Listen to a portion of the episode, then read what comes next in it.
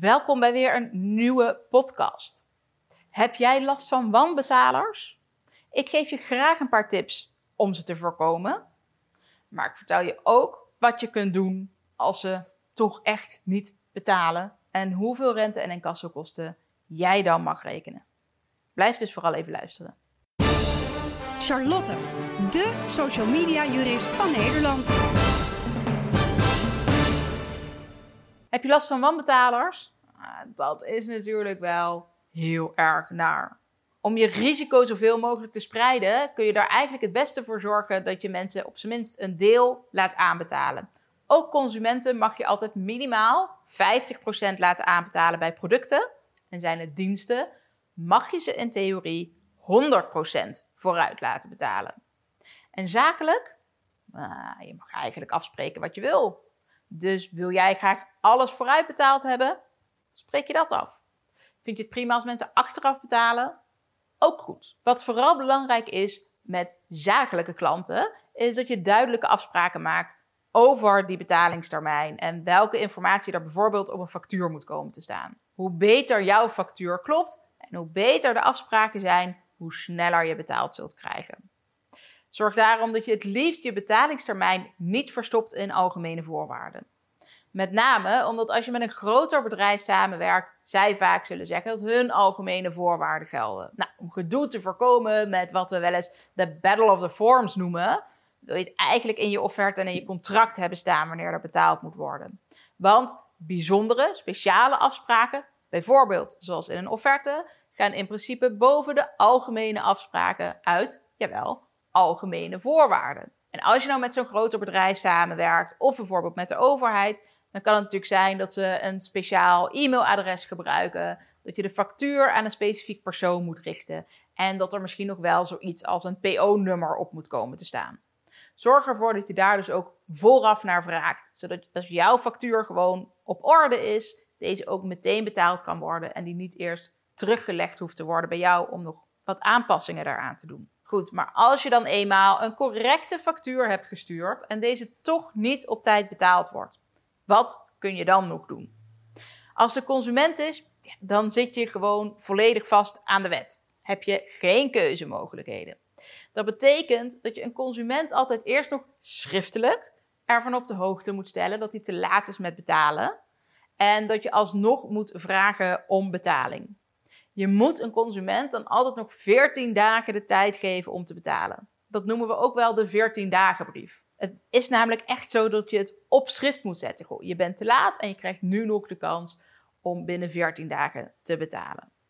Pas daarna mag je wettelijke rente en de wettelijke incassokosten gaan rekenen. En ook die moet je eerst aankondigen. Dus doe dat vooral in je 14 dagen brief. En vermeld daar, je kunt nu nog binnen 14 dagen betalen. Doe je het niet binnen 14 dagen, dan komt daar rente en incassokosten bij. Die incassokosten zijn altijd minimaal 40 euro, ongeacht de waarde van de factuur. En verder werkt dat eigenlijk met een soort staffel. Dus hoe hoger het bedrag, hoe hoger ook de incassokosten worden die je mag rekenen. En daar is natuurlijk sprake van wettelijke rente. Nou, die kan uh, steeds opnieuw weer worden vastgesteld. Op dit moment is die wettelijke rente voor consumenten uit mijn hoofd 2% per jaar. Maar zoek dat dus vooral altijd even op. Heb je zakelijke klanten die wanbetalers zijn? Dan kun je gebruik maken van diezelfde wettelijke regeling voor consumenten. Je hoeft alleen geen 14 dagen brief te sturen. Meestal geldt gewoon uh, de betalingstermijn als een zogenaamde uh, fatale termijn. Dus als ze die niet gehaald hebben, zijn ze vanzelf al helemaal in gebreken. En uh, hoef je dus niet meer een aparte in gebrekenstelling te sturen. Maar kun je meteen al incassokosten en rente rekenen. Nou, de wettelijke handelsrente is er ook zo één die steeds opnieuw vastgesteld kan worden. Maar op dit moment 8% per jaar is. En ook hier geldt de wettelijke regeling voor incassokosten met een minimum van de 40 euro, ongeacht de hoogte van de factuur. Maar zakelijk zou je hier nog meer van af mogen wijken. Bijvoorbeeld door weer in je offerte of in je algemene voorwaarden een aparte regeling op te nemen voor dit soort wanbetalers. Zo kun je dan bijvoorbeeld in plaats van 8% rente per jaar kiezen voor, laten we zeggen, 2% rente per maand. Waarbij je misschien zelfs wel op, opschrijft dat als iemand maar een deel van een maand te laat is met betalen, je het meteen rekent als een volledige maand. Zo hoef je niet te zitten hannissen met op welke dag er dan betaald wordt en hoeveel rente dat dan precies is. Ook zou je je incassokosten anders in kunnen richten. Bijvoorbeeld afhankelijk van het incassobureau waar jij mee samen wil werken en hoeveel zij rekenen. Dat je misschien niet rekent met een minimum van 40 euro, maar met een minimum van 100 euro.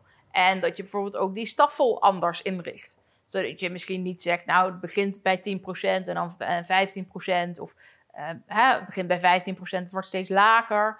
Maar dat je standaard kiest voor 8% aan incassokosten bijvoorbeeld. Als je regeling zakelijk maar voldoende redelijk is, dan zal die ook door een rechter niet meer gematigd worden. Dus zet het niet te hoog in, hou het redelijk, maar dan mag je dus best wat meer vragen dan wat er in de wet staat. Een andere manier om wanbetalers te voorkomen is bijvoorbeeld door een regeling af te spreken waarbij je eigenlijk nu een hoger bedrag vraagt vooraf. Waarbij je zegt, nou je krijgt korting als je bijvoorbeeld binnen 14 dagen betaalt. Is misschien administratief wel iets meer gedoe. Dus je moet wel zorgen dat je daar een systeem voor hebt staan dat dat makkelijk kan regelen. Zodat je ook geen gedoe krijgt met bijvoorbeeld uh, de belastingen. Maar het kan wel een mooie incentive zijn, een mooie aanmoediging zijn om eerder te betalen. En in feite heb je het dan natuurlijk al gewoon geregeld dat als ze niet op tijd betalen, je die rente krijgt die je anders zou rekenen. Dus in plaats van dat je zegt, ik reken rente als je te laat bent, verhoog je bij voorbaat al dat bedrag en je, krijgt korting als je vroeg betaalt of op tijd betaalt. Het is natuurlijk maar net hoe je dat dan wil brengen. Kortom, heb je consumenten die te laat betalen, stuur ze dan eerst de 14 dagen brief, waarbij ze dus eigenlijk nog 14 dagen de tijd moeten krijgen om een soort van gratis alsnog te kunnen betalen.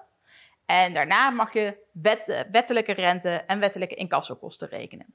Hier kun je dus niet op een andere manier van afwijken. Heb je zakelijke klanten, dan kun je van alles regelen over betalingstermijnen, maar ook rente- en incassokosten in bijvoorbeeld je algemene voorwaarden.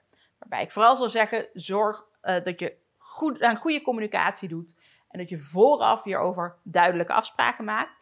Zet het liefst zoveel mogelijk in je offerte en vraag zoveel mogelijk informatie op, zodat je in elk geval zeker weet dat jouw factuur meteen op orde is, dat daar alle noodzakelijke informatie in staat die jouw klant graag wil ontvangen en dat het meteen op de juiste plek terechtkomt. Heb je hier verder nou nog vragen over wat je kunt doen als je last hebt van een wanbetaler? Maak dan vooral een afspraak met me en boek hem zelf in via www.oploskoffie.nu, want dat is natuurlijk de koffie die bijna alles oplost. Heb je nou echt wanbetalers waarbij je dit allemaal hebt uitgeprobeerd en het werkt niet? Zoek dan een goed incassobureau om mee samen te werken. Dan kunnen zij voor jou achter deze wanbetaler aan. Dankjewel voor het luisteren naar deze podcast over wanbetalers. Vond je het nou een toffe podcast? Laat dan even een review achter in je podcast-app. Of laat in elk geval met het aantal sterretjes weten wat je van deze podcast vindt. En stuur deze aflevering door naar alle andere ondernemers die deze informatie ook wel kunnen gebruiken. Dankjewel voor het luisteren en ik hoor je heel graag weer in de volgende podcast aanstaande dinsdag.